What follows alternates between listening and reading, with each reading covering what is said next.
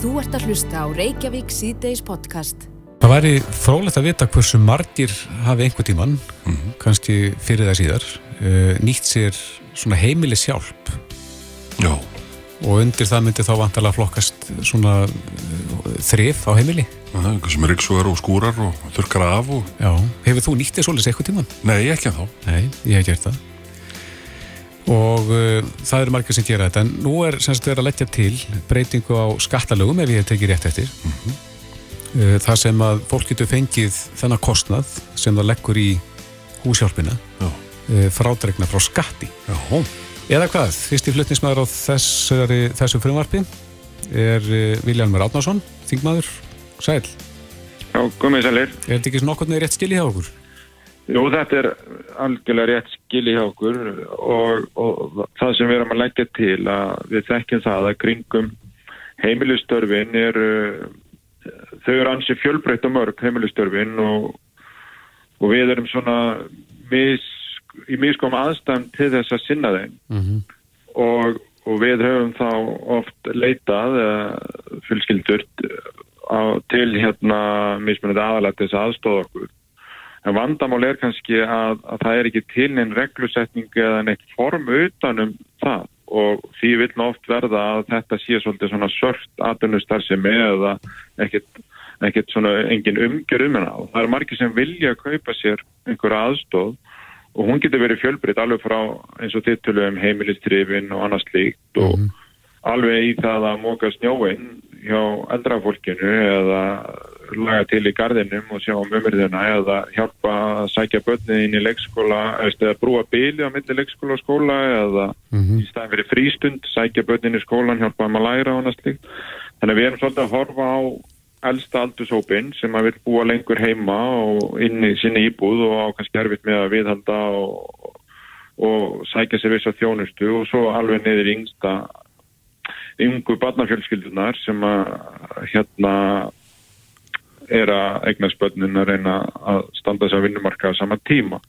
Og þá erum við að horti þess að gera fólki svona auðveldara með því að fjárfesta í þessari þjónustu og geta þá af það einsist aðalum sem að gefa það þá allt upp. Við erum bara að bjóða eitthvað slíka þjónustu og þá getur við dreyið það frá tekjuskattinni. Já, bara fært inn... 150 krónur á mánuði. Já, bara fært inn á skattaframtalið. Já, það bara færir einn á skattaframtalið og, og þá er þetta dreyið frá í uppgjörunum frá tekjuskattinu. Mm. Þá kannu einhver að spyrja, Viljarmur, er ekki hægt á því að þessi þjónasta þá rjúti upp úr öllu valdi? Það er að kostnáðurinn á henni, ef þá að fara að gefa þetta upp? Já, sko, það er náttúrulega bara út af því að þetta er svona inn á heimilið að þá kannski með því að hafa hann gefna upp til skatts og annars líkt að þá hefur bara engin fjárfæst í þessu. En ef þú kemur hann með löglega leið til þess að kaupa þetta að, að þá myndur mjög fleiri nýta sér þetta. Og þú ert að með þessu skattafrátvætti að þá ert að gera hérna kostnæðan við þetta raunhæft fyrir venjulega fjölskyldu. Já, og talaðu hvað 150 Já, talaðu um 150.000 hvað hámarkið á árið þá? Já, mánuði? Sko, Já á mánuði. Á mánuði, já. Það eru hérna sagt, að hámarki 1800.000 á ári. Já. Er, er þetta, hefur verið gerðið eitthvað útækt af þessu, er, er þetta algengt að fólk nýti sér svona þjónustu? Já sko, það er kannski ekki verið gerð mikil útækt hér á landi, við vitum um marga náttúrulega og við þekkjum um allir einhverju kringum okkur sem eru með einhvers konar svona þjónustu, bæðið að hjálpa börnunum sínum að læra sækja þau í skóla en svo líka þetta heimilistrefin er kannski svona algengust og, og svo garð, garda umhyrðan og garda umhyrðan er kannski það sem hefur verið hvað mest upp á yfirborðinu. Og marga svona garda þjónustur og bjóðasláttur og allt það og margir kaupa það og það kom einhver leiti inn í allar vinna áttakið og annars líkt mm -hmm.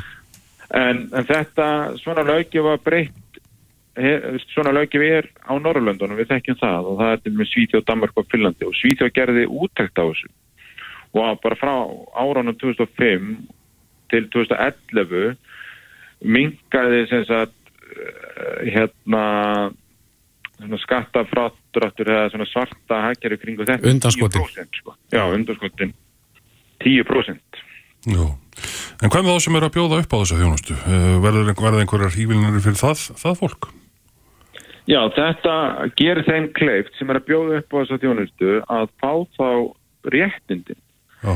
Þá gerir þetta þeim kleift að gefa þetta allt upp þannig að þau eru þá kannski frekar tryggði í vinnunni að þau geta þá frekar afla sér veikindaréttar eða vist, og alla þessi réttindi sem fylgir því að fá greitt laun er náttúrulega tölvört mikið að réttindum og þau náttúrulega farða ekki ef það ert, ert ekki neina kerfi eða ert í svartir atvinnustarfsemi og ef að fólk hefur sem sagt þá þarna tækifæri með þessari ívelinu að kaupa þessa þjónustu að fulli verði með uppgefnum launatendin göldum að, að þá náttúrulega aukast réttindi og hagur þeirra sem er að veita þjónustuna og er kannski árið meira hérna spennandi og, og fleiri tækifæri í að veita þjónustuna og mhm. fjölbreytari þjónustuna. Já, e, það er vantilega kostur og gallar við þetta e, eins og annað, kostirnir eru vantilega þeir að þetta kemur það upp á yfirborðið, það er að segja eins og talar um skatta undanskott eru vantilega mjög algeng í þessum bransa En, Já, en kemur upp á yfirborðið en þetta kemur líka verðið þjónustan aðgengilegri fyrir þessum áðurinn þurfa að halda til dæmis eins og batnafölskyldur og eldra fólk. Já. Þannig að hún verður kannski sínilegri líka og aðgengilegri. Já, þannig að batnapíjan, hún, hún þarf þá að fara að gefa upp til skatts, það sem hún fær borgað fyrir að passa bönnin og, og, og skattaafslottu þá í staðin fyrir það sem greiði fyrir þjónustuna. Já, en þannig erum við kannski líka að tala um þróari bandabíu sem að þú tristir þess að vera að hjálpa með heimalærdom og sækja og skutla í skóla og æfingar og annað slíkt sko. Já. Ekki bara að rétta með hún skreppra í bíó. Já, kallar þetta á að uh, þessi stað sem er verið skilgrind eitthvað, eitthvað frekar, Verður, uh, þarf að setja upp einhverja ákvæmna verðskrá fyrir þá hluti sem eintir eru á hendi? Nei, nei, það er náttúrulega bara markaðurinn og, og, og, og henni almenna lauki verður að, að, að ná utan í um það því að, að hámarkið er í hvað þú getur náttúrulega ef að verðskrafin er of há þá bara vestlar engin við því að því að þú hefur bara vist þú mátt bara, þú mátt bara setja x mikið til frádráttar sko. mhm. -huh. hámarkið er í, í hversu mikið mátt leggja til frádráttar á tekjuskattinu uh mhm. Þið eru að þetta fara fram á breyting á lögum um tekjuskatt. Ertu bjart síðan á að, að þetta fari í gegn? Já, ég er nú mjög bjart síðan að við munum ná þessari breytingu í gegn, hvort það takist akkurat á þessu þingi eða hvort við þurfum að sína dólum að það og koma með þetta aftur og leifa máluna að, að, að þróast í umræðinu, það verður komið ljósin. En ég get ekki séð að verði einhver pólitísk anstaða við þetta mál ég, ég, og ég, við höfum alveg fengið góðar góðar undirtektir úr fleiri flokkum að því að þetta er annað sín sem við leggjum þetta mál fram og þannig að við genum það síðasta þingi líka og, og þá fengum við mjög góðar undirtektir úr öllu litrófi stjórnmólana þannig að við erum bjart sína á, á þessum árangri. Já, Vilhelm Ratnarsson, það verður frólægt að sjá hvaða uh, dóm þetta fær í þinginu og hvort að þið náðu þessu gegn, en kæra þakki fyrir spjallið. Það er bara takk sem við leiðis. Þú ert að hlusta á Reykjavík C-Days podcast. Það hefur mikið verið rætt um uh, samsæðistjenningar upp á síkastið og sérstaklega núna kannski tengsla við COVID mm -hmm. sem að ímsað hafa sprottu upp en, en samsæðistjenningar eru reyndar ekkert nýjar á nálinni. Nei. En það segir hérna svolítið skemmtilegri samsæðistjenningu. Uh, DFF greinir frá þessu og New York Times meðal annars. Mm -hmm. En það er samsæðistjenning sem að gengur út af það að uh, fugglar séu ekki raunverulegir.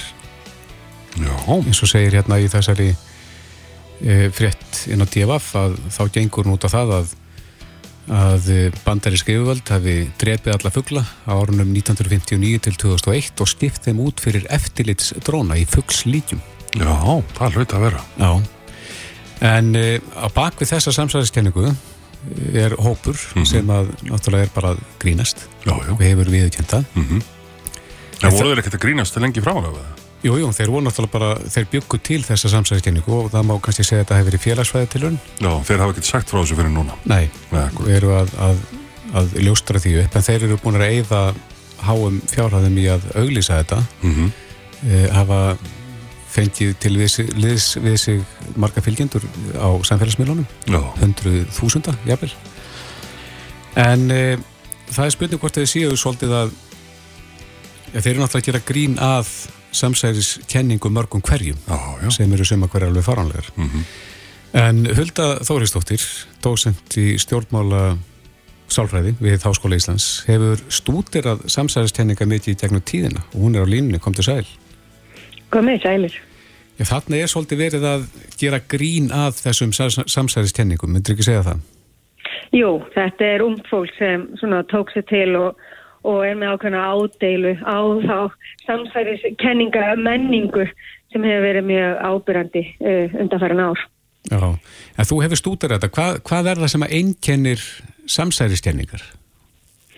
Það sem einkennir samsæðiskenningar eru að, já, að þær eru tilrönd til þess að skýra atbyrði með tilvísan í að tveir eða fleiri einstaklingar hafi lagt á ráðin um að sko í rauninni e, svona framfylgja sínum hagsmunum á kostnað hagsmuna all, almennings.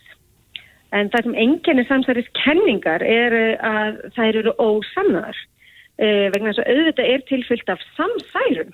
Mm -hmm. Samsæri eiga sér staði stærri og, og smæri minn daginn út og daginn inn í viðskiptum og, og stjórnmálum og jafnveginan fjölskyldna.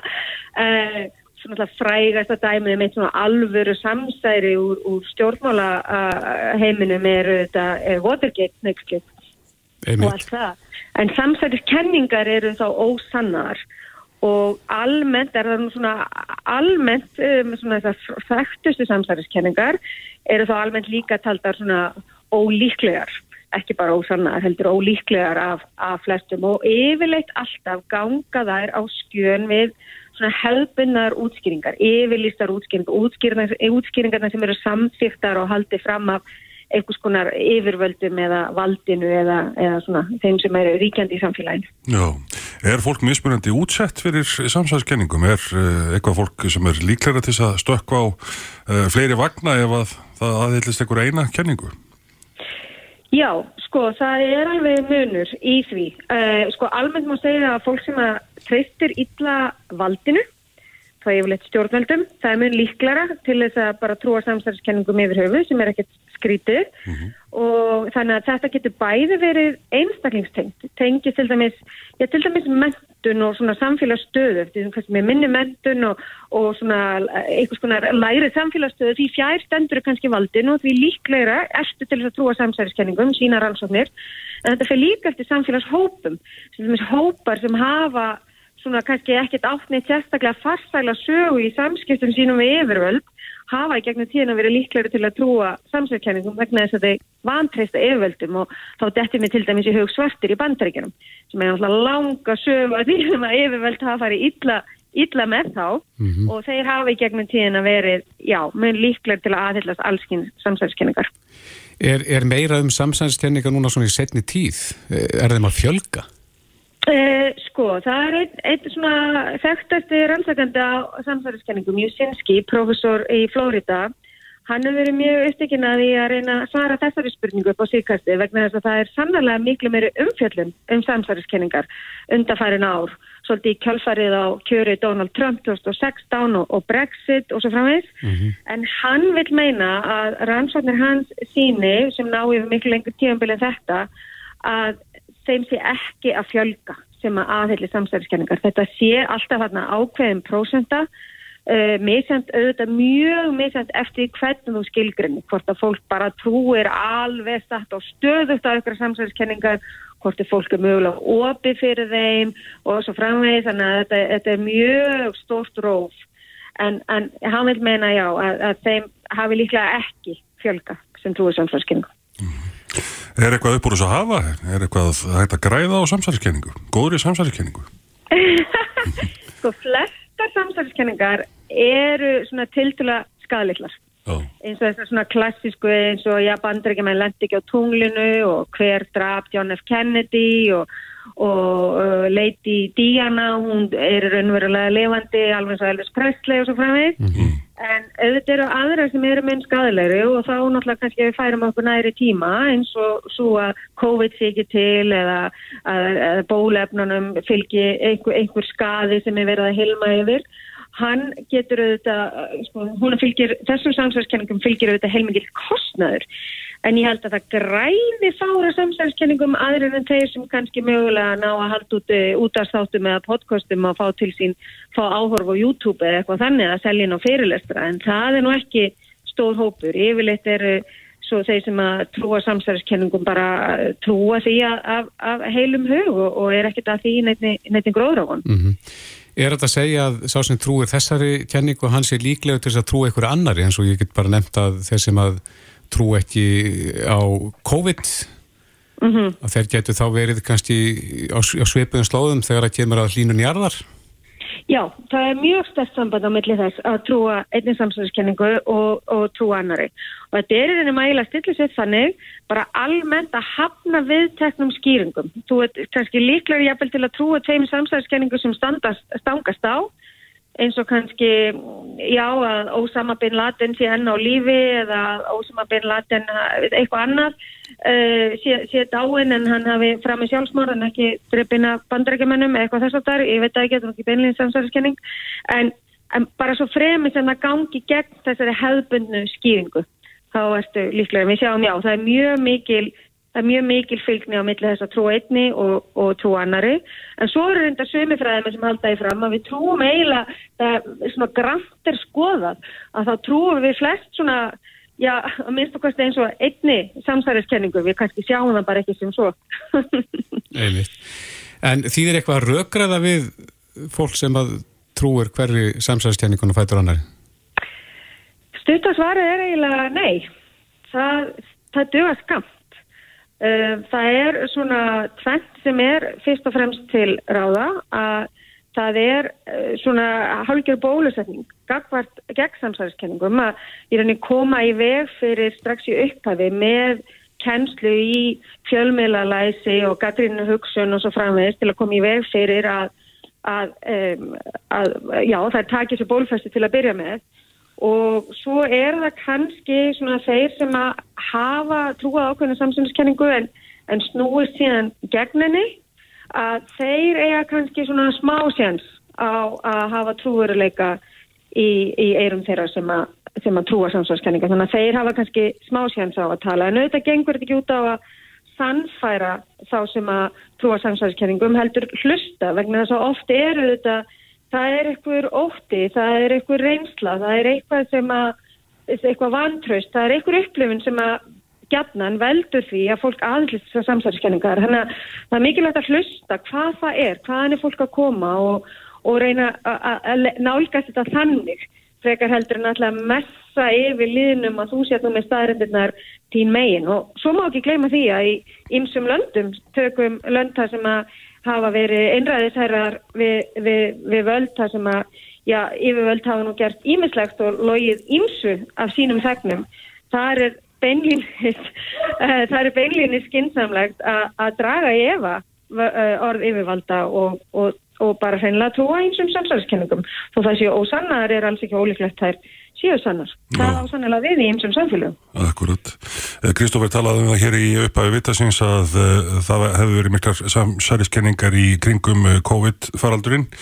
Uh, hafa samsæriskenningar að einhver leiti staðið baráttunni gegn verunni fyrir þrjúum? Já, og það leikur ekki vafa því mm. að það er að gert það í einsum löndum og þetta verður við nú blessunulega uh, ekki mikið hér á Íslandi um, en, en verður mikið mál í, í bandaríkjunum þar sem að náttúrulega þetta hefur tekið á sig alveg annað lag þar sem að öll þessi polarisering, þessi skautunum millir republikan og demokrata spila þar líka stórt hlutverk og vantraust þar á milli. En það er engin spurning að hún drefur og líkum að fólk fær í bólusetningar og uh, fólk stundi svona sótvarnar hegðun og, um, og það er svo áhugavert að fylgjast með því að, að, að það fyrir bara eftir hverju stættur í heiminum til dæmis hver er talin bera ábyrð á veirunni. Í, í Kína er það bandaríkinni í bandaríkinnum er það Kína og í Afríku held ég að séu já líka bandaríkinn og einhvers dag er það Bill Gates sem að já, Bill Gates er þetta mjög viða mjög viða, já, hann er mjög viða sögutólkur vegna þess að hann vildi Já, það tengist á bólefnunum og að setja eitthvað svona örgjörfa inn í fólk en uh, George Soros kemur hérna oft líka inn í og það eru svona þekktir leikandur og gerendur sem eru gætna í þessum eru aðal, aðalsögupersonar í þessum samsæriskenningum. Akkurat. En Þau... þetta endur speiklar sko náttúrulega þetta vantröst sko það er þjóðir, þú vantröstir þú kennir samsæriskenningin henni veldi yfir á þá þjóðu þannig aðalega sem þú, þú vantröstir Oft gott að hafa sögudólk Já, það má segja það og, já, og samsæriskenningar veita oft svona eitthvað litið einfaldar skýringar á sko, yfirmáta flóknum að erfiðum viðbyrjum sem erfiðt er að skýra með öðrum hætti. Mm -hmm. Þannig að það er einn svona sálfræðileg skýring á því hvað svona fólk aðlið samsæriskenningar. Einmitt. Hulda Þóristóttir, dósent í stjórnmála sálfræði við Háskóla Íslands. Kæra þakki fyrir spjallið, þetta er frálegt. Takk sem leiðis. Þetta er Reykjavík C-Days podcast. Næja, það er allt komið á hliðina nánast vegna þessa uh, veikleika í tölvukerfum sem að nefnist log 4 jóð mm -hmm. og uh, almannavarnir hafa líst yfir óvissu stígi vegna þessa veikleika Já, já, og bara hinn vennilega maður einhvern veginn veit ekki sitt rúkandi ráð Nei. hvernig staðan er á þessu Nei, en þessi vennilegu leikmenn hafa reyndar verið svona róaði niður það þarf kannski lítið að spá í þessi mál heima við eða hvað Á línunni er maður sem að veit allt um þessi mál, Valdimar Óskarsson, frangotastjóri Sindis, sem er 12 örgisfyrirtæki. Komdu sæl.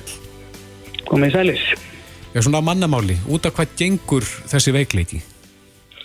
Já, þessi veikleiki gengur út á það að árið 2013 var sett svona viðbót við hugunaða klasa eða kóða klasa sem er kallaður eins og við nefnduðu Log4j. Mm -hmm. Þannig að þetta er einn gömul villa sem að uppkvötast ekki fyrir bara núna já, ofnbeglega í síðustu viku og þetta gengur út á það að þeir sem eru að nota þessa þennan kóða klasa eru í hættu þar sem að það er tilturlega einfalt teknilega að séð að skýma eftir þessum veikleikum í kerfum. Mm -hmm. Gallin við þennan veikleika er að það er svo gríðarlega mörg tæki og, og mikið að búna þess að nýta sér þessa, þessa þjónustu þetta sem að atvikaskráningi eða logging og það er svo erfitt að koma auga á það hjá, hjá fyrirtækjum. Fyrirtæki geta sagt, já við erum ekki að nota þetta en þeir eru að nota einhverju þjónustu í skíinu sem er að nota þetta, þannig að þeir eru óbeint að nota þessa þjónustu. En svona fyrir okkur leikmennina, ef að einhver hakkari finnur þennan veikleika, þú segir að menn er að skanna eftir þessu, ef að menn finnan, hvað, hvað gera með þá til þess að nýta sér veikleikan? Á mjög einfaldan hátt er að koma fyrir óværu eða einhverjum kóða á þessum veika miðlara og þessi kóði, þetta er kallað, við getum kallað þetta baktir, að þeirra búið að koma hann fyrir og fyrirtæki eru búin að uppfæra saminsku samlega Log4j eða það sem þarf, þarf að uppfæra þá hefur þessi minnfísni aðili ennþá aðganga þessum hugbúnaði sem að kom fyrir og getur tengst hvinna sem er og hefur full yfir á þeirri vél sem að, að hugbúnaðin eða þessi óvara er á. Þannig að hann er ekki bara yfir á með þessari vél heldur, hann getur tengst hugsanlega öllum þeim vélum sem að er sjáanlega, sjáanlega á því neti sem að þessi veiki miðlar uppalega var á. Mm -hmm. En það hefur verið hefur komið fram að fólk heima við, þessi vennulegi neytandi þurfu ekki að hafa miklar áhyggjur en, en er, þess, er þennan kóða að finna bara í heimilistölvunum? Það getur verið það, en ef við hugsaum þetta bara svona röggrétt, ef að myndfísnir aðeinar er að reyna að ná sér fótfestu til þess að, og þeir gera það sjálfsög í hagnaðaskinni til þess að geta tekið gíslatöku eða stóli gognum og, og því en líkt, þá er kannski ekki eftir miklu að slæjast í heimatölvum en það síndi sér samt að tölvuleikurinn Minecraft, hann var að nota þetta þannig að spilari gætt tekið yfir tölvu hjá mótspilara sínum og náði fullum yfiráðum á þeirri tölvu þannig að þetta er já í hugbúnaði sem að fólk er að nota heima. Þetta er í netbúnaði þannig ef að menn eru með ráter frá einhverju þjónustæðila sem að þá gæti hann hugsanlega verið veikur eða þannig að menn þurfa að passa, passa það líka en ég myndi ekki telja að almenningu sé einhverju stór hættu. Það er miklu frekar ekstra ræðilar og fyrirtæki sem eru með, með tölvukerfi og sérstaklega þeir sem eru að hýsa náttúrulega einhver, einhver viðkvæmga. Þú segir að þessi veikleiki varði í rauninni til 2013. Mm -hmm. Er möguleik á því að einhver hafi uppgötað þennan veikleika fyrr? Það er alveg, alveg möguleiki, já. Ekki líklegt samt en það er algjörlega fræðileg möguleiki og ekki hægt að útlöka. Mm -hmm.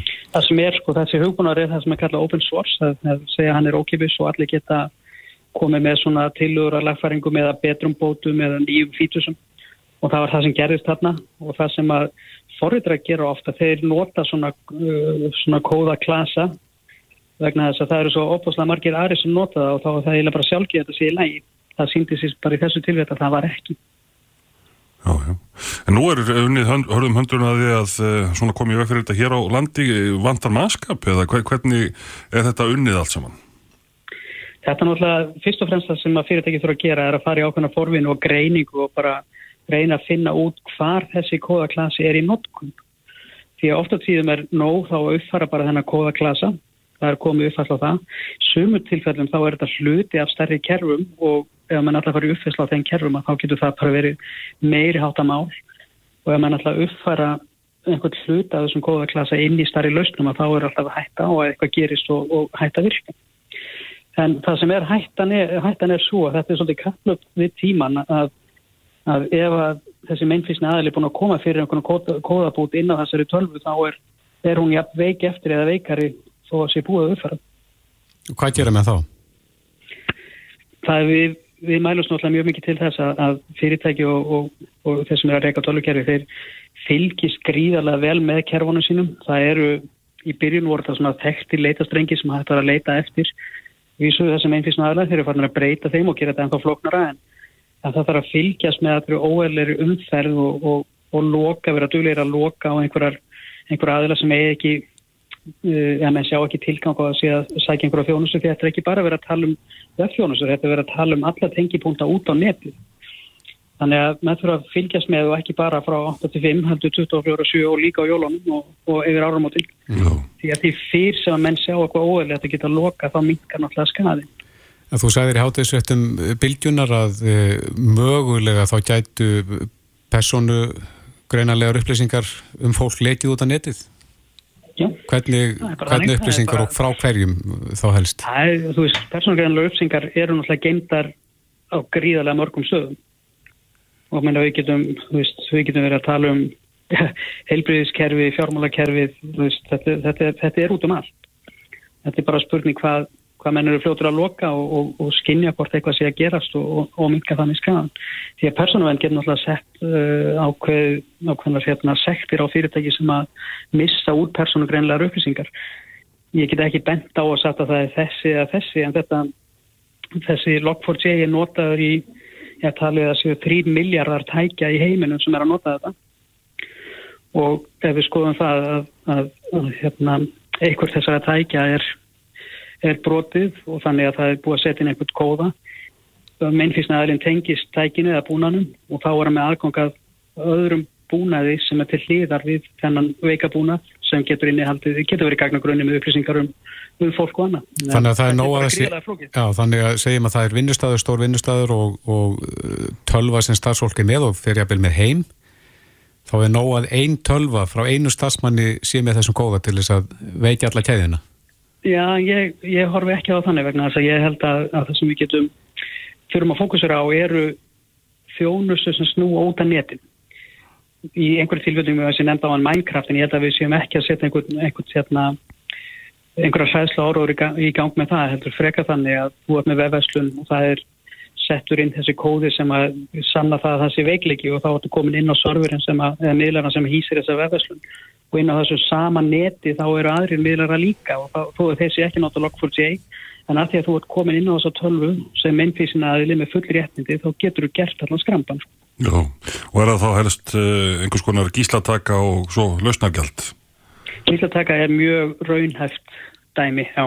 já. Hitt er síðan bara persónugreinlega gögn þar sem að menn geta sagt tekið gögnin á hans að, á hans að hérna dulkóðu, heldur bara að segja ég er með þessi gögn, hérna vilt að ég leggja þeim hérna á, á darknet eða, eða eitthvað annað. Mm -hmm. Áttu vona því að við verðum á einhver óvissu stíði fram yfir áramót?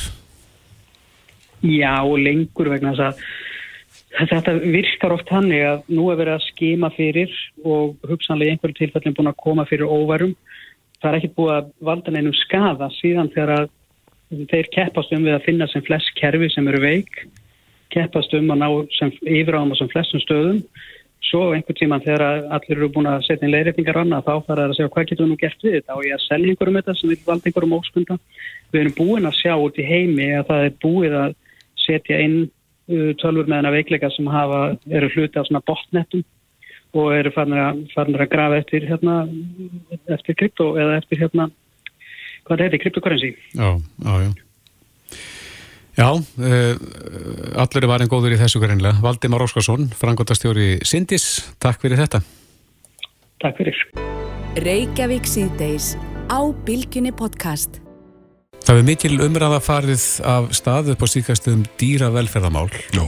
Og þar hafa hestar, meðal hann spila stóra röllu. Það er náttúrulega máli með blóðmærahaldið sem er hverginari til líkt að leitt. En það er grein sem að byrtist í dag inni á vísi.is, það er í skoðun, sem að ber yfirskriftina ætlar landsamband hestamanna að hyggla yllir í meðferð á hestum. Og það er Linda Karin Gunnarsdóttir sem að skrifa þessa grein. Hún er uh, titluð hestafræðingur uh, við þessa grein. En uh, þar segir hún að landsamband hestamannafélag stefni á að standa fyrir þólriðakeppni um söðurhálendið þar sem leggja á mun harðar að hestum en venlegt er í þeim tilgangi að kynna hestin út fyrir landsteinana. Nú keppni ber yfirskriftina Survive Iceland og er markkópurinn Erlendi Knapar. Þólræðakeppnir Erlendis hafa verið umdeldur út frá sjónamiði velferðar, segir hún hérna greininni, vegna þess hversu langar vegalengdir hestar eru látnir bera knapa í þá ævintýramersku keppenda. Nú fórsendur Survive Iceland er að keppendur fari ríðandi um 280 km leið á fjórum dögum. Dagliðin verður því um 60-70 km og hver keppandi mun fá þrjá þjálfaða hesta til afnóta og nota tvo hesta á dag til reyðar með reglulegum áningum. Þetta segir hún hér í þessari greinsinni. En uh, á línunni er Guðni Haldursson, formaður landsambands hestamannafélaga. Komdu sæl. Sælir. Já, hún veldur upp þeirri spurningu hvort að þetta sé of eh, erfitt fyrir hestana sem að, sem að verða þá á þessari leið. Já, það er uh, auðvitað alltaf uh, þegar að verið að keppa á hestum vantarlega og, og, og bara þá, þá kemur auðvitað til álita hvort að séu að leggja mikið á hesta hvort, eða hvort sem verið að láta að laupa hratt eða langt eða, eða hoppa yfir eitthvað eða hvað það er. Og, og við fórum eins og kom fram í þessari grein þá var, var haldinn svona keppni yfir kjöl í sumara sem að voru fjóra daglega samtals 240 km sem okkur hestu var að fara 25-35 km á dag og það fylgdi dýralegnir hóknum alla leið og, og tók út ástand hestana upphafið dags og áningastöðum og, og uh, við, við endamark og, og þar var tekið bæði púls og öndun og áverkaskoðun mjög nákvæm Mm -hmm. og niðurstaðan var svo að, að hérna, hestarnir vissist bara fóla þetta mjög vel og voru bara í toppstandi það var, það var öllum þessum öllum þessum hestum og öllum þessum knöpum og allir þessari veli þá var þetta ekki einn skeifa undan hesti. Það var uh, engin hestum en einn nuttsár eða núningssár eða, eða einhvern óhólegan púls. Uh, það var einn hestur sem að rasaði örlítið þegar smáæla skrámu og afturfæti. Það er allt og sund í allir þessari keppni og, og það bendur nú til þess að, hérna, að þetta sé ekki verið að leggja mikið og við leggjum upp úr, upp úr velferð hesta byttu fyrir og, og hérna knapa og erum uh, eitt staðist að sérsambandina nýja sí og, og leggjum miklu áherslu á þetta en, en ég held að þessi gaggrinn sé uh, skot út í loftið því miður eða sem betur fyrr að hérna en það má auðvitað alltaf bara deilum það hvort að og það er auðvitað gegn eðli hessins að við séum yfir höfuð að setjast bara klófi á hann og láta hann lúta okkar vilja og, og hvort að það sé þá bara eitthvað sem við eigum að vera að gera það súkakrinn kemur kannski bara næst, ég veit það ekki Nei, en hvernig þessi keppni hvernig, hvernig er, er hérna fyrirkomulagið á henni? Fyrirkomulagið fyrirkomulagi þannig að hver keppandi hefur yfir á þremur hestum og, og og einn, einn hesturinn er kvildur uh, á hverjum degi uh, tvei hestar fara uh, einn legg hvor sem er þá ekstra-bilinu 25 til 35 kilometrar og þá er, er áð og, og hesturinn skoðaður og púlsmældur og, og hérna öndun yfirfarin og, og meðslu áverka skoðun. Er þetta sem að þeir eru, þetta er keppni þannig að menn eru Já, já. farin srætt og þeir geta Já, já, á sem styrstum tíma. Já, já, þetta er bara keppni. Og ég þekkir svo mikið gaggrinni á, á þetta keppnisform Erlendis en, en, en eh, ég held að allavega það sem að koma út úr þessu, þessu keppnisumara að þetta eru töluvert minni áverkarskráning og, og annað heldur en í öðrum hestakeppnisgreinum verið störa mm -hmm.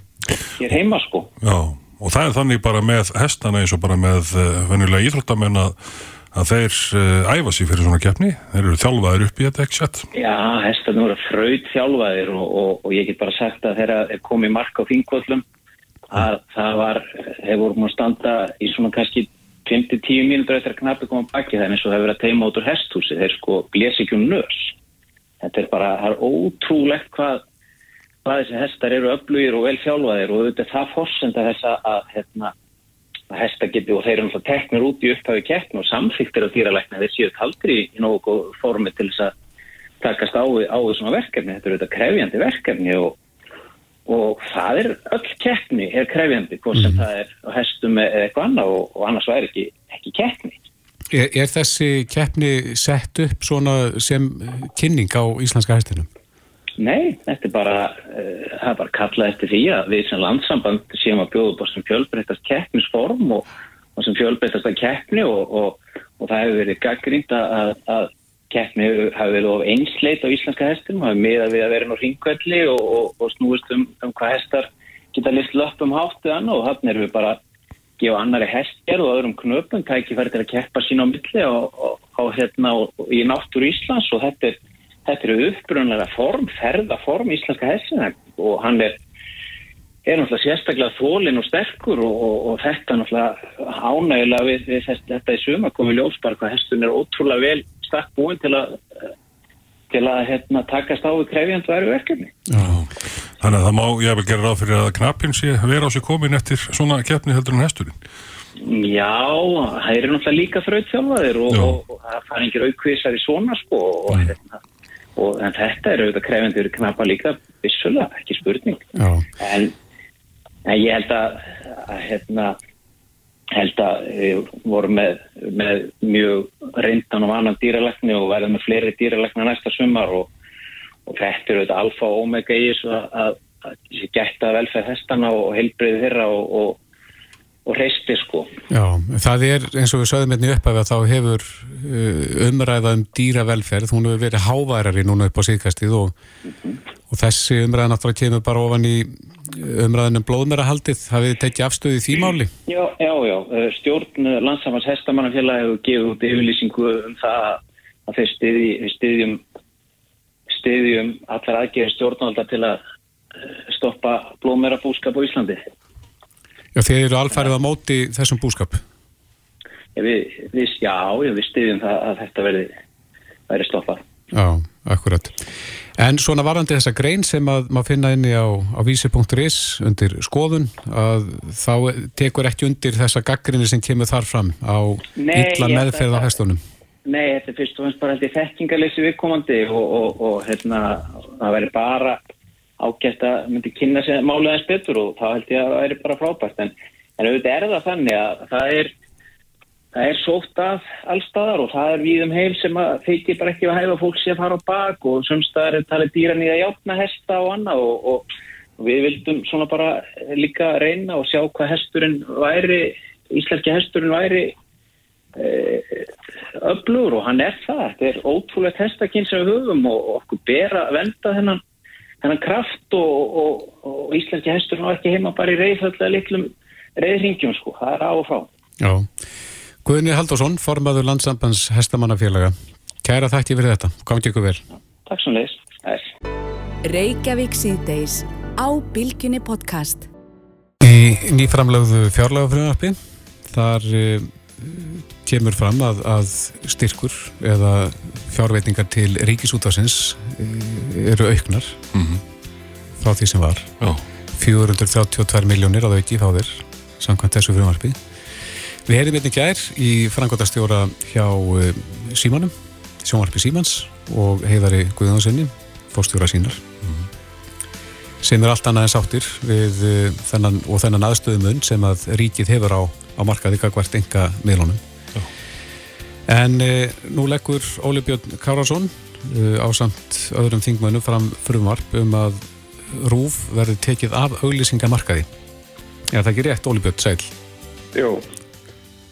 Hva, í, í hvaða sinn er þetta lagt fram? Við lagðum þetta fram rétt undir lok uh, þings uh, síðastlega vor mm -hmm. og það náði ekki inn á daskar á en það of seint framkomið en það var aðalega til kynningar. Og í, ekki síst uh, vegna þess að þá var þingið að taka afstöðu til frumvars um ríkistyrki til sjálfstæðara fjölmiðla. Mm -hmm. og uh, sem að ég uh, gat ekki stutt og get ekki stutt en ég greiti ekki atkvæði gegn því en það var um tímabundnar ástöðun að ræða og í trösti þess að menn tækir sig þá saman í andlitinu og uh, á næstu einu eða tveimur árum í því verkefni að tryggja hér einhver, einhver svona sæmilega sangirni á fjölumelamarkaði eða þá ákvaði að sitja hjá í stað þess að, að greiða atkvæði gegn hérna ríkistyrtum engaregnum fjölmjölum. Var, var það frumvarp einhvers konar millilending eða var það reynilega bara þvælast fyrir því frumvarp sem að þú vart að leggja náttúrulega? Nei, það var afragstur af hérna tölöru starfi og menn geta haft sína skoðunar á því. Ég segi bara e, það er eitthvað öfugsnúið við það að stinga sjálfstæðum fjölmiðlum í súrætnisvila ríkisins þegar þú ert á sama tíma með umfánsmikinn rekstur ríkisfjölmiðil sem er einn helsta ástæða þess, ekki einn ástæða, er einn ein helsta ástæða þess að sjálfstæðir fjölmiðlar berjast margir í bökkum og eru svona eh, standa veikburða fjárháslega. Mm -hmm. Og þá ég við samkjömsinsverkstur ríkis útvarsins eh, fyrst og síðast á auglýsingamarkaði.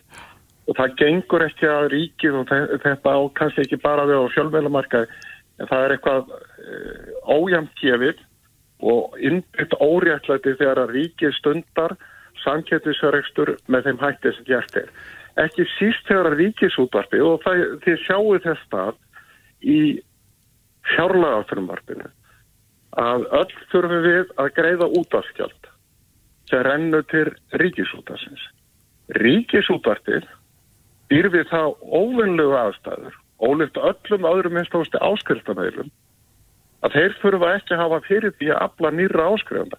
Þeir bara koma, mm -hmm. þeir bara detta inn um með leiðaður verða 16 ára gamlir og það er alltaf að fjölga í þeim hópi sem að greiða áskriftur og ef, ef einhverjum ungum manni eða þess vegna eldri konu þetta er í höfu að stopna enga hlutafélag þá fjölgar áskrifundum af ríkisútvarpinu en, en að gæsa lappa áskrifundum sem þýðir að á komandi ári vegna þessara reglu, vegna þessara laga að þá eikst aukast framlögin eða rétt að segja tekjurnar af útvaskjaldinu um 430 miljón. Já, þetta kemur frá skattgreðindum. Þetta, þetta, þetta gengur ekki lengur. Ég held líka við þurfum að fara að taka þá umræðu mm -hmm. að hverfa frá þessari OHF eða hlutafélagavæðingu ríkisútvarsins. Við þurfum að fara að uh, ræða það að fullkominni alvöru að ríkisútvarpið er ríkistofnun með sama hætti og, og ríkisjóður er þá að standa ströyma þeim rekstri með sama hætti og stendur undir symfóníunni, fjóðleikúsinu og öðrum menningarstofnunum og sangað einhver vel skilgrendu hlutverki þess fyrirtækis. Hvað viltu og viljið þið ganga langt í þessu frumvarpi? Viljið þið bara reynsa auðlýsingar út af miðlum ríkisins eða? Já, það verður gert í, í skrefum að, að hérna byrjum á því að, að ríkisútvarpinu verði ekki heimilt að afla sér kostunar með neinum hætti en frá með ársbyrjun 2024 að þá geti ríkisútvarpið ekki selt auglýsingar með einum hætti og drægið sig að fullu út af auðlýsingamarkaði. Já, en, en hvað með auðlýsendur sjálfa? Hver, hver, hvernig rýst þér á þeir, þeirra hlið? Það var þeir einhvern veginn sett sig upp á móti? Ég, já, ég, og ég skil það á margan hátt og ég veit að margir til dæmis í auðlýsinga, var að segja bransanum, uh, eru margir mjög efins og jáfnvel andvýr þessu en e, það breytir ekki e, þeirri skoðun minni að umhverfi sem að lögkjafun hefur mótað fyrir fjölmiðla hér á Íslandi er óheilbritt og ég hef líkt þessu við það að það er læknir sem tekur á móti sjúklingi og læknirinn veit að bót meina sinna fær sjúklingurinn með því að hann fari í uppskurð að læknirinn skeri sjúklinginu og fjarlægi meinið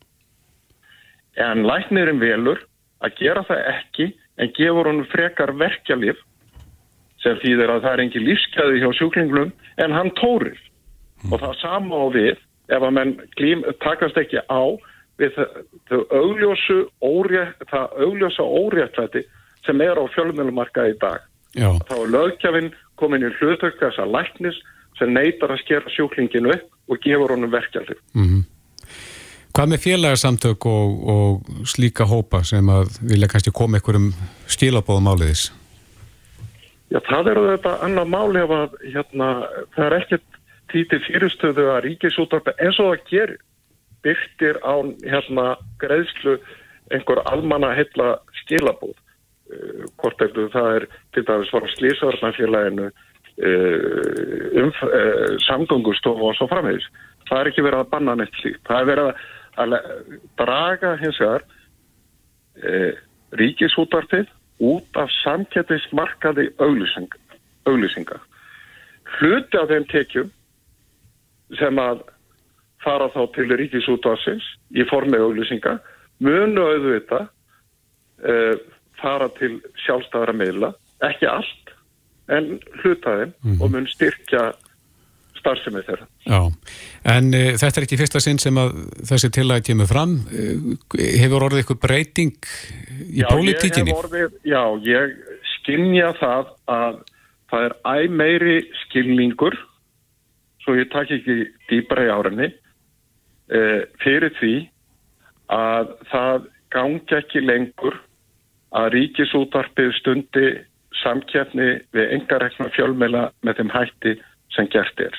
Svo geta menn deilt um það hvernig hérna e, útfæslan er e, menn deila til dæmis um það á að með einhverjum hætti að og þá ætlum ég að setja það inn að gæðsalappa bæta ríkisútvarpinu upp væntanlega tekjutap mm -hmm. sem er þá auðvitað netto tekjutap og tegnu til upp í kostnar sem að vegna þess að ríkisútvarpi verður þetta fyrir kostnaði að aflaða þessara tegna og svo framvegis. En það er umræða sem hann hýtur þá tengjast í að menn skilgrinni skildur og hlutverk ríkisútvarsins. Er það ekki skilgrind eh, nægilega í dag? Nei. Nei. Ég til dæmis það vakti aðtili mína að ríkisútvarpið tekur þá ákvörðun þegar það horfir hér á íslenska fjölmiðlumarka að þá horfaður og sjá já, býtu, hvað er nú blómlegt í dag? Jú, það er fullt af hlaðvörpum. Það eru einstaklingar sem á Hastlasi völd fundið sillu á íslensku fjölmiðlumarkaði og eru að búa til alveg magnuð hlaðvörp sem á notið vinsalda og með þess að fjölmiðlunemnd er farin að, að hérna, kroppa eitthvað í slíka aðila en láta það líka með þessu hluta.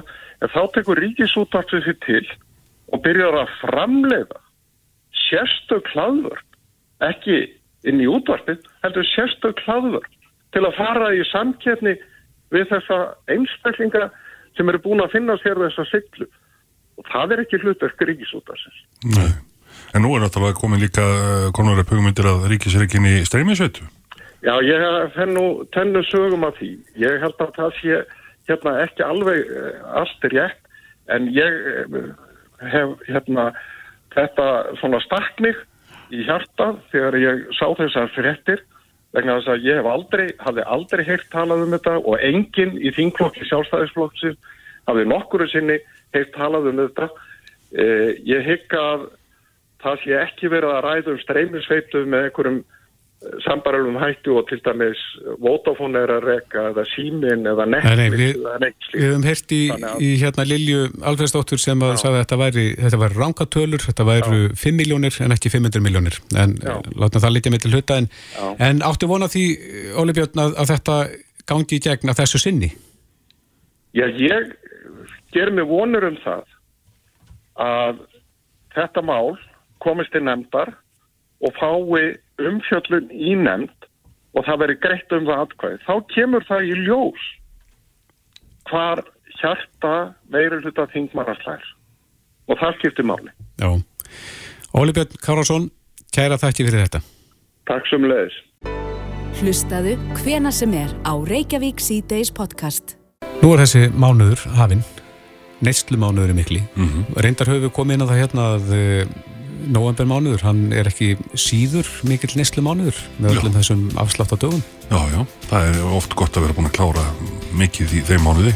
Þetta dreifist nú aðeins. Já, en uh, það er grein sem að byrtist inn á vísi.is þar sem að uh, jólin eru tekið saman í tölum og uh, greinin ber heitið Svona eru jólin og það er uh, uh, hagfrængur í greiningu Íslandsbanka sem að reytar þessa grein sem er á línunni Bergþóra Baldurstóttir, kom til sæl Já, sælir. Já, þú ert búin að kíkja tölur og búin að greina þess jólin svona í, í kauphegðun séð. Hvernig eru við Já. að eyða í jólin? Sko, já, mér fannst bara svolítið áhverð að skoða uh, desember mánuð umfram aðra mánuði því að eins og við þekkjum öll þá er desember svolítið dýr mánuður og við erum svona eins og í fyrra þá erum við að eyða 14% meira í desember en aðra mánuði ársins að meðaltali. Já, er, er nóvember ekki að svona skrýða upp að desember? Jú, en ekki jafn mikið og desember. Nei. Uh, þetta svona byrjar alveg í november en við sjáum svona mesta eðslan er í desembermánuði og þetta er svona þróunin sem hefur verið undanfarin ár uh, og jafnvel ára tugi. Mhm. Uh, við erum að eyða svona bylnu 10-20% meira í desember en, en að meðaltali aðra mánuði ásins. Já, já. Þannig að desember eru svona dýr mánuði fyrir svona lang flesta. Einmitt. Þú segir hérna að í fyrra þánam kortaveltan hvað 95 miljardum. Já. Eh, við höfum verið að eyða meira innanlands núna það ekki heldur en undanfærin ár. Jú, uh, og, e- og rauninni breytist svolítið svona enganislan í fyrra í COVID. Og hjælt svolítið velli innanlands en uh, dróðs náttúrulega tölur saman uh, erlendis. Mm sem náttúrulega bara er partur af þessu, þetta, er, þetta var svona fordómarslu tíma eins og við þekkjum. Einmitt. uh, en hún hjælt velli og við eittum samt alveg töluverðu uh, innanlands og heldum þannig svona veltinu uppi. Mhm. Um, hvernig skiptist, hvernig skiptast peningarnir? Hvert eru þeir að dreifa sér? Já, það er svolítið áhugavert. Rannsóknarsetur Vestlurunarinnar tekur þetta saman, svona sundurliðar kortaveltina og við erum mest að eyða í matur. Uh, 30% af okkar uh, eyðslu í desember fer í mat Það er hátíðamaturinn. og já, eins og við þekkjum bara öll að okkur þykir konfetti gott og jólaölið og, og hambúrgarryggur og allt þetta, sko. Þannig að þetta er uh, mest, mest peningurinn fyrir þangað, sko. Mm En svo erum við líka auðvitað að eða gjafurur og, og, og alls konar þess áttar. Og það var svolítið áverð að sjá líka í- að því ég hann að skoðaði hann svona hvernig þetta var í COVID Já. og til samanbyrða við þetta ár og við erum að eða tölvist meira núna í uh, jólatónleika og, og svona leikhús og aðra viðbyrði. Á svona upplifun. Já, svona upplifun en eðli málsins sangkvæmt þá munum við kannski öll eftir jólakúlunni fyrra Einmitt. og hérna við erum að sjá því líka aukningu núna undarfarna mánuði í, í svona viðburði uh, eðslu í viðburði þannig að það er rosalega jákvæmt Já, og svo er náttúrulega jóla hlaðborðin sem hafa kannski verið með öðru sniði í ár. Fólk er að fara þangað og, og ná sér í mat og, og skemmtun. Já, nákvæmlega. Þannig að þetta er svolítið breytt minnstur frá því í fyrra.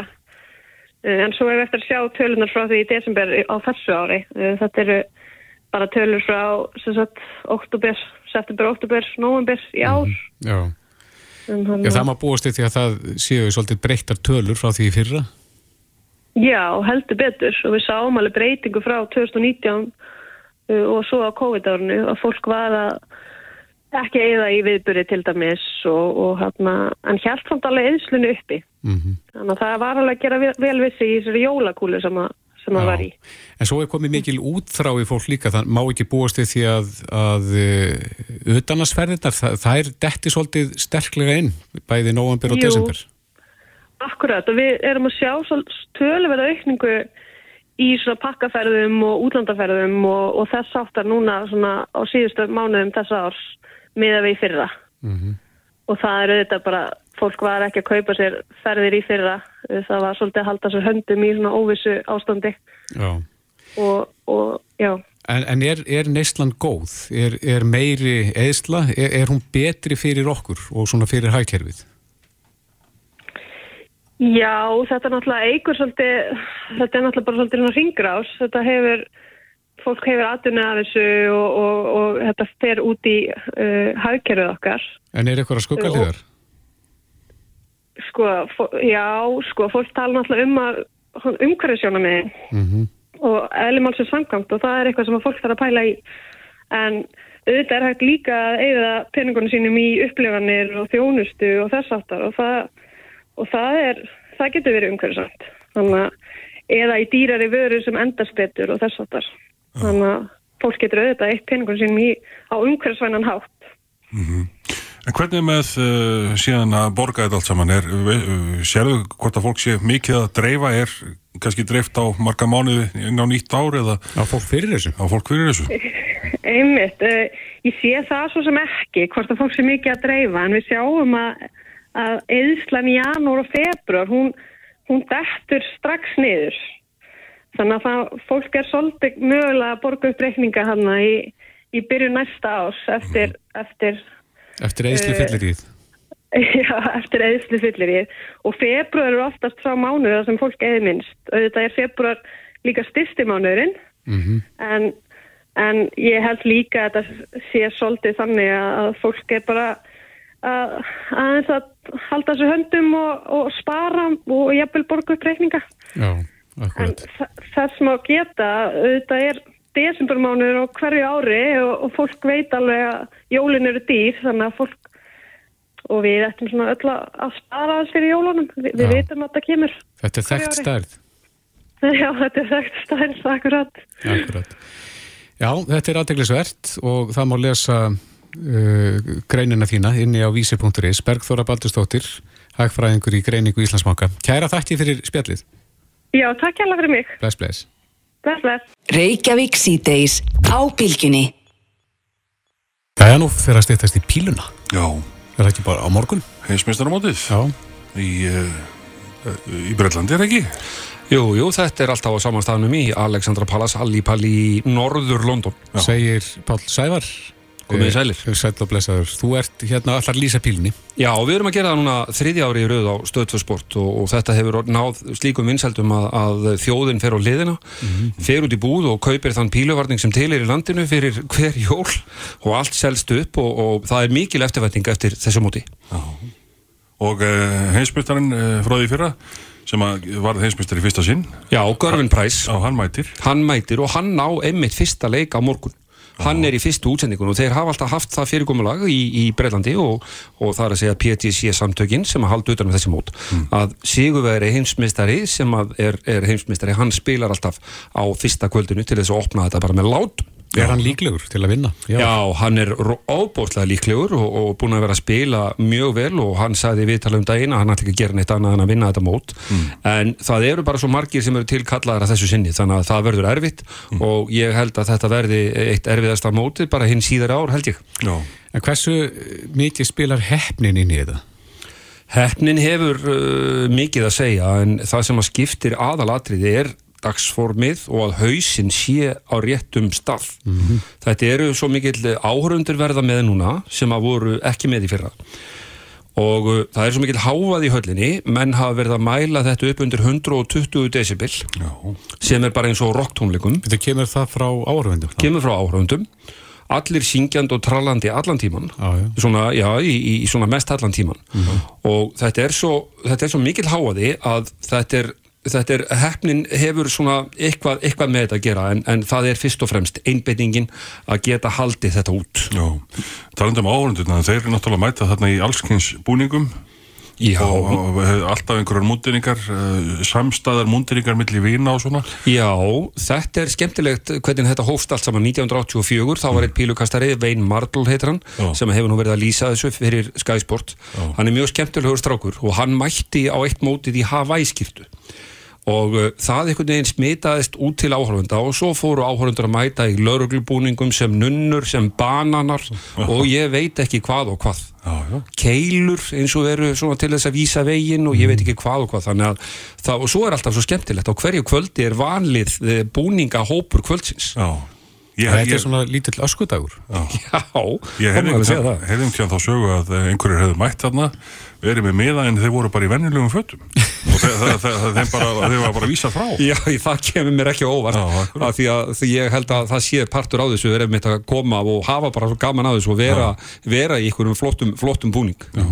En ástæðan fyrir ég spurði um heppnina er svo að, að vinnan hérna út af sviði fór og í pílu hérna í gamla hérna Östurbæbíó Já, eh, Mér gekk best þegar ég lokaði augunum og kastaði Þannig að ég, Ég- fór að veltaði fyrir mig hversu mikið af þessu er bara hefni Ég held að þetta sé byrjanda hefni. Já. Þetta er fyrst og fremst það. Þú ert við spjaldið, þú ert kærulaus í vinahópnum og mikil og skemmtileg stemning. En þegar þú ert farin að keppa um eh, 80 miljónir íslenska króna, þá held ég að þú verður að hafa taugarnar og getuna til staðar til þess að komast á áfangastað. Já, já. Ertu með svona rétt í lokin, Palli, ykkur trikk fyrir þá sem eru að búin að kaupa sér spjald eru með pílur heima, eru að aða sig Já, það er grundvallaratriðið í þessu að þegar að fólk er að byrja að kasta á spjaldið að þá stígur rétt hendur maður með hægri fótinn fram að kastlínni. Mm Líkilatriðið þar er að læsa nýjunu svo líka minn dú ekki í kastinu. læsan hérna Læsa nýjunu. Við standa stífur og reyna að standa eins beinn í baki og hægtir. Já, ég get komið með eitt triks í restina sem ég áttaði mig á þegar ég spilaði pílu síðast. Ef ég ætla að ná, reyna að ná þriföldum 20, þá er ég að miða á eitthvað annað. Já, það er ein leiðin það er, það er til dæmis ein leiðin og það er bara þessi byrjandahefni sem er fyrst og svo þegar menn fara að æfa þetta þá fara menn að vera pyrraðir Já. og jáfnvel missa úthaldið og Já. leggja þetta frá sér en það má ekki gefast upp alltaf að hafa, hafa gaman og húmórin með Já, hver er bestur í pílu á Íslandi? Hann heitir Mattias Ört Friðriksson, hann er Íslandsmeistari, býr í Grindavík, uh, mekka pílunar er í Grindavík, ég hef lungum talað um það í útsendingunum á Stöð 2 Sport. Og þeir eru ótrúlega duglegir, þetta byrjaði allt hjá þeim á sínum tíma. Og þeir hafa haldið þeim stalli síðan og, Mattias er, er frábær. Og hann hefur miklar, uh, svona mikla framtíðar sín í þessu, hann langar að komast á heimsmeistaramótið í Allipalli, ég bara trúi því að treysti að við Íslendingar komum til með eiga eitthvað keppandi innan fára ára. Já, en uh, móti hefst á morgun. Og Já, fyrsta- verður það sínt? Það verður sínt á stöð 2 sport, uh, hvort það verður sport 2 eða 3 sem verður lögð reynilega undir bílukastið. Fyrsta útsending á morgun klukkan 19 og svo eru bara tvær útsendingur að tak uh, með litlum hlýjum fram til 3. janúar þegar að heimsmyndstarinn í bílukasti verður kringdur. Páll Sæfa, takk fyrir þetta Þetta er Reykjavík C-Days podcast.